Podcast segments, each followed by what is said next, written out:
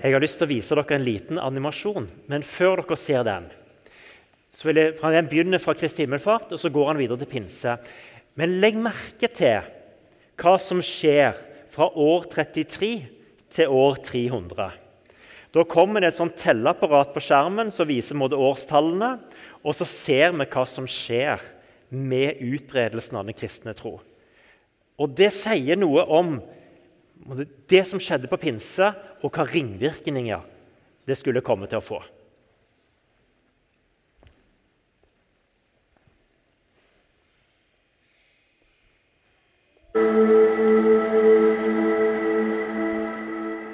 Etter oppstandelsen er Jesus sammen med disiplene i 40 dager. Men en dag samler Jesus dem på et fjell. Han løfter hendene og begynner å velsigne dem, og mens han står slik, kommer det en sky som skjuler ham. Når tåka letner, er Jesus borte. På Kristi himmelfartsdag beveger Jesus seg ut av kartet og ut av tiden. Han er ikke lenger iblant oss. I alle fall ikke slik han var. I Bibelen er det mange ærlige beskrivelser av at Gud oppleves fraværende. Her er en salme Jesus selv siterte en gang. Min Gud, min Gud, hvorfor har du forlatt meg? Hvorfor er du så langt borte når jeg trenger hjelp og skriker ut min nød? Min Gud, jeg roper om dagen, men du svarer ikke, jeg roper om natten og får ikke ro.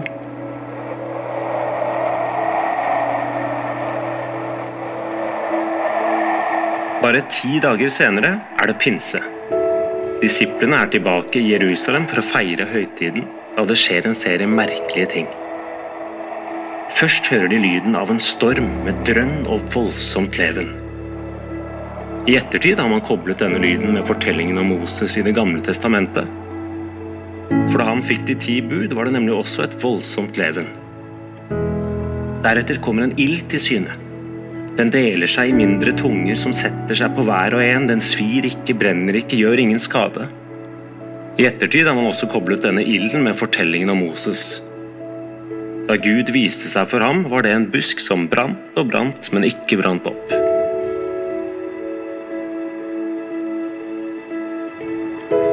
Pga. høytiden er det mennesker der fra hele verden. Her er det folk fra Roma, Lilleasia, Frygia, Pamfylia, Kappadokia, Pontos, Media, Mesopotamia, Partia, Elam, Egypt, Kyrene og Kreta. Lyden, vinden og flammene gjør at folk stimler til huset hvor dette kaoset foregår. Men plutselig er det en som sier Hei, du. Stopp en hal. Jeg forstår jo det de sier. De snakker morsmålet mitt. Det samme sier en annen, og en tredje og en fjerde. Ja, alle får de høre sitt eget morsmål, og det de får høre, det er evangeliet. Det er dette som er pinse. På Kristi himmelfart forlater Jesus vår verden. Men bare for å bli tilgjengelig alle steder. I pinsen blir han nærværende for alle, uavhengig av hvem han er. For på pinsedag blir Gud global, og kirken begynner å følge ham ut i verden. Historikere kaller det som skjer de neste 300 år, for et mysterium. Historiefagets missing link. For uten at man helt kan forklare hvordan eller hvorfor, når man kommer til 300-tallet, har den kristne religionen blitt allemannseie i hele den kjente verden. Fra himmelfarten og pinsedag strekker Jesusfortellingen seg helt opp til oss og våre dager. Han er nær, alle steder, overalt.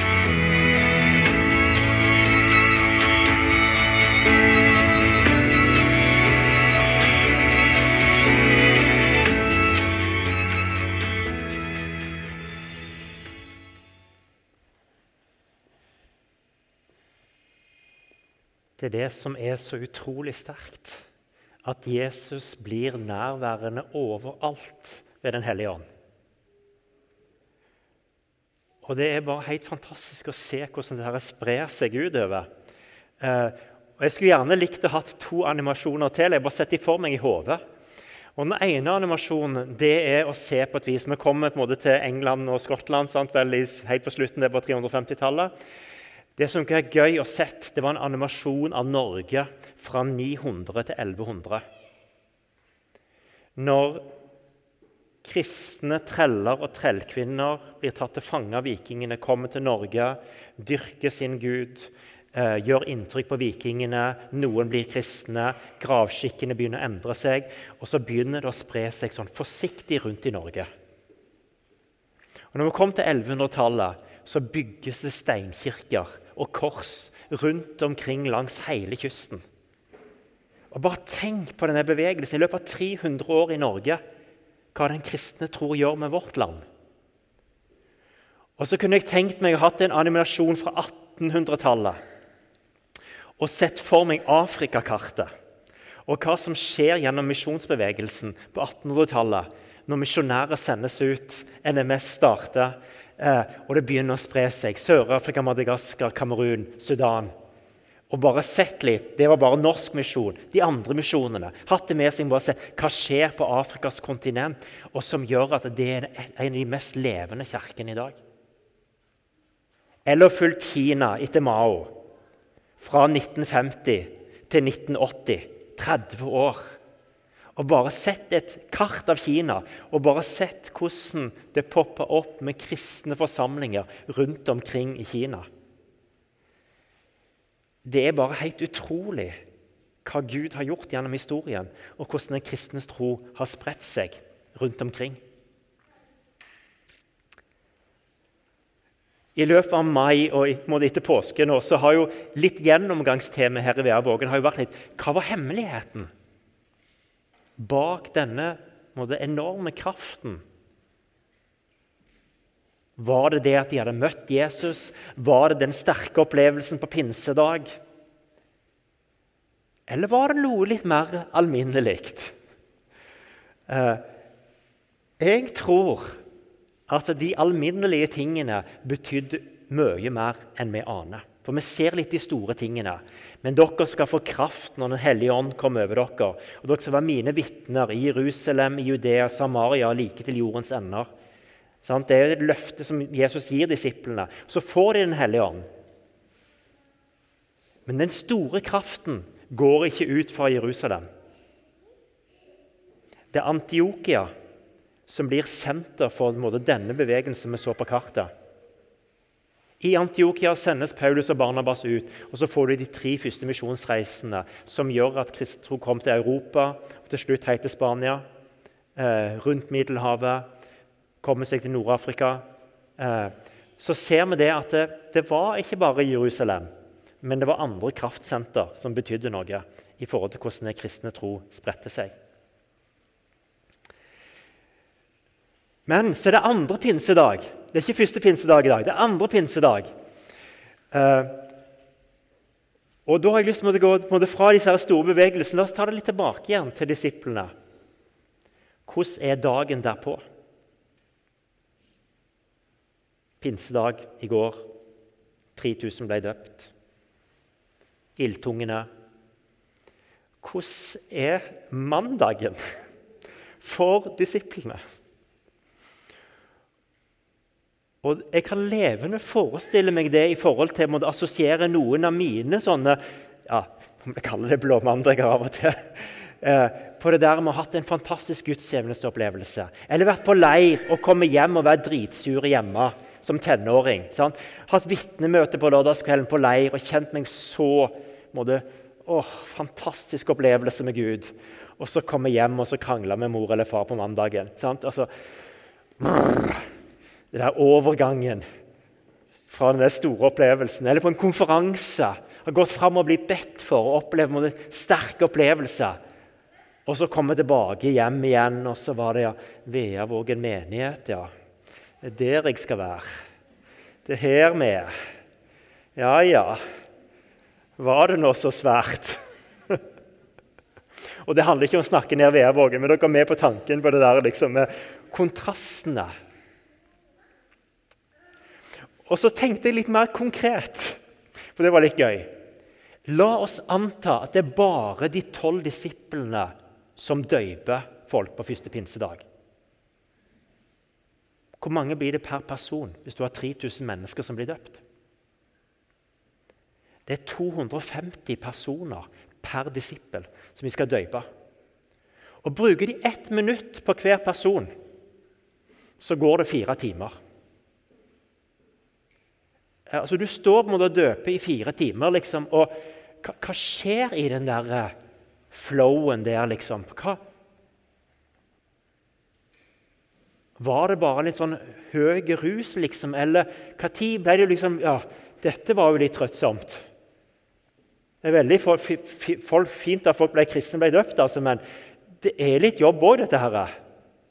Og så kommer du til mandagen og så tenker du Hvor i all verden er disse 3000 menneskene i dag? Ok, En, en liten gjeng de kom sikkert i tempelet sant, på mandagen òg. Men de fleste forbereder seg jo til å reise hjem igjen. La oss si at disse 3000, la oss si at det er 100 som blir igjen i Jerusalem. da. Så er det 2900 mennesker som forsvinner ut av Jerusalem på andre pinsedag. Som bare tenker litt, Da, da er jo høytiden over. De har jo feira fram til påske. Eller til pinse, mener jeg. Ukefesten var det da. De har feira fram til, til, pinse. Så på mandag skal du reise hjem.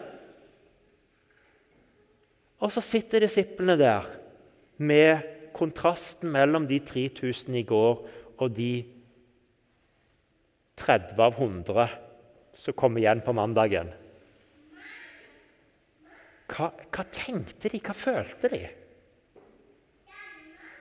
Var, det liksom takknemlighet, og sånn, eller var det en sånn nedtur på den mandagen? Der de var trøtte etter måte, alt det som hadde skjedd i løpet av helga, så det var på en måte slitenhet. Men òg liksom Vil dette vare?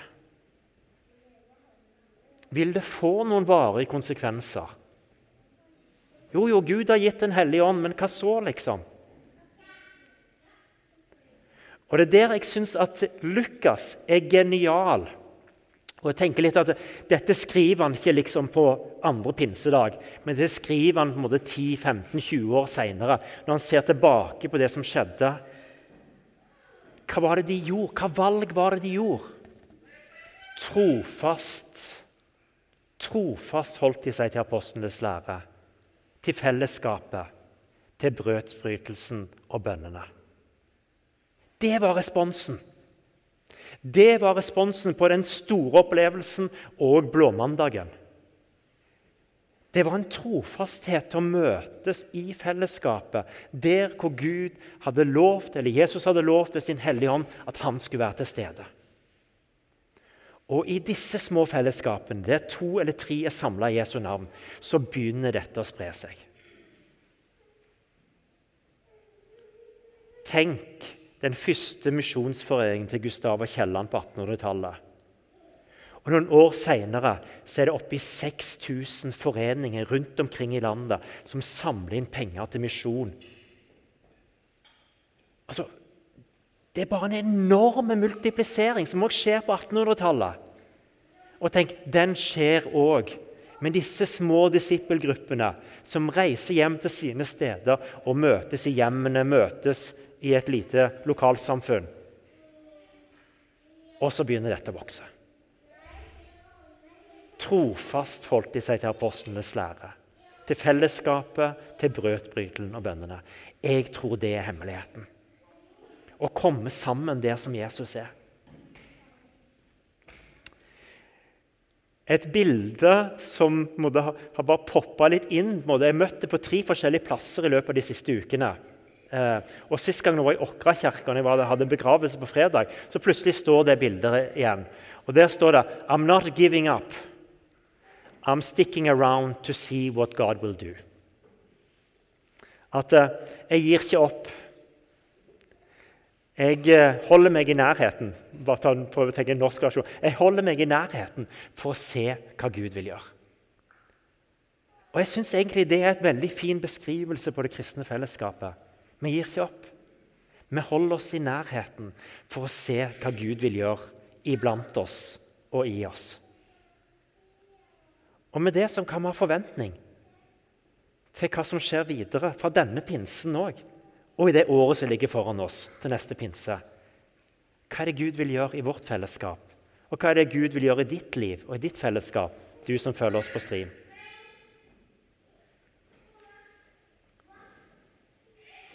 Et bibelvers som jeg har lyst til å gi dere, er Filippebrevet 1,6. Og Det er òg et sånn lite vers som jeg tenker sier noe om Når Paulus òg ser på det at okay, det opplever nedgang i noen av disse menighetene, og så skal han sende dem en oppmuntring. Han har sjøl havna i fengsel, eh, kan ikke være ute og forkynne lenger. Og så skriver han bare, helt avslappa, 'Jeg er trygg'. Jeg er trygg på at Gud som begynte sin gode gjerning i deg, skal fullføre den helt til Jesu Kristi dag. Og jeg tenker det, det var det disiplene måtte holdt fast på òg når de så disse 2900 reise ut. Og egentlig, ja, Hva ballast har de? Hva forutsetning har de for å spre den kristne tro videre? Jeg er trygg på at Gud som begynte sin gode gjerning i deg, skal fullføre, fullføre den helt til Jesu Kristi dag. På en vanlig pinsedag-gudstjeneste så hadde jeg bedt Bjarne Andreas sette seg til flygelet, og så hadde jeg invitert til forbønn med salving. For Det har jeg opplevd så mange ganger, spesielt på pinsedag, at det har vært fint å ha en sånn, et lite sånn ritual å gå inn i. Og bli tegna med et kors på pannen og i hendene. Og bli tilsagt noen ord. Og så tenker jeg vi får gjøre det på den måten vi kan gjøre det. Og det er at du kan tegne det på deg sjøl mens jeg sier ordene. Og Det gjelder dere på streamen òg.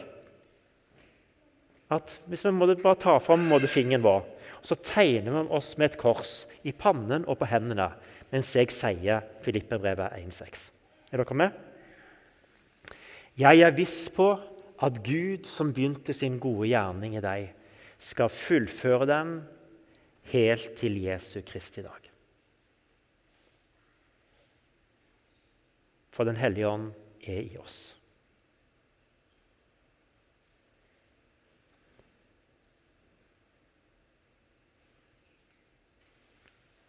Jeg tror vi sparer den siste historien til en annen god anledning. Jeg har en veldig god historie. Skal jeg ta den nå?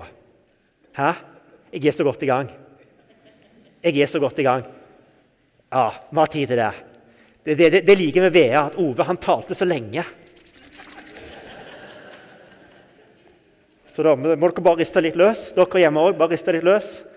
Fantastisk historie. Jeg hadde en drøm. Jeg drømte om at noen som var en del av en oase De fikk en drøm om at de skulle gå ut. Og ut i ørkenen til et nytt område de visste at noen var mennesker som bodde i nærheten der, men de flakka lenge og langt etter vann. Men de fikk en, en, drøm om at de skulle grave en ny oase i ørkenen. Og De fikk med seg arbeidslag, dro av gårde og begynte å grave. Og du vet, Det er entusiast i nye arbeidslag. Der er det god kraft og entusiasme. Så de gravde og gravde. Fikk et godt hull ned i sanden der. Men jo mer de gravde, jo mer så de at det er tørt, tørt, tørt. Men de holdt ut. De fortsatte å grave. Og en dag så kommer det et fantastisk regnskyll, sånn som det bare kan gjøre i ørkenen. Himmelens luse åpna seg, og vannet fylte brønnen. Og de sto på sida og takket Gud for alt det vannet som var kommet fra himmelen. Og så planta de palmer rundt omkring. Dagen etterpå de kommer tilbake, så all vannet vekke. Alt har trukket ned i sanden. Og det var ikke mange dagene før palmene begynte å visne. Sjøl palmer, palmer trenger litt vann. Så de tenkte hm, hva med om vi fyller noen tankbiler for her, Det var jo moderne tid. Sant? Vi fyller noen tankbiler med vann fra den gamle oasen. Og så kjører vi det til den her nye, og så fyller vi opp i brønnen. Dere skjønner jo tegningen. Tankbil på tankbil som går gjennom ørkenen og fyller vann over denne brønnen. og Til slutt så får de fylt den helt opp til topps. Igjen så planter de og feirer, men med samme resultat. Dagen etterpå og dagen etterpå. Vannet forsvinner ut. De fyller på med nytt vann. Vi innser vi kan jo ikke fortsette sånn til evig tid. Det går jo ikke. Og så tenker jeg nettopp disse to bildene mellom måte, de der litt sånn sterke opplevelsene av Gud som vi får av og til. Sant? Veldig forhold til den store opplevelsen de fikk på pinsedag. Regnskyllet. Eller kanskje litt det der eh, innsatsen som vi sjøl legger til for å prøve å opprettholde måte, arbeidet i Guds rike. Og så opplever vi kanskje at vi mer og mer står bare i egen kraft og holder på med ting. Og lurer på hvor er Gud henne? En del av arbeidslaget forlot de, men de andre satt litt motløse på sida. Mens de sitter der en kveld og bare kikker ned på det der tomme hullet, så hører de en forsiktig susen og en stemme som sier 'Grav dypere'.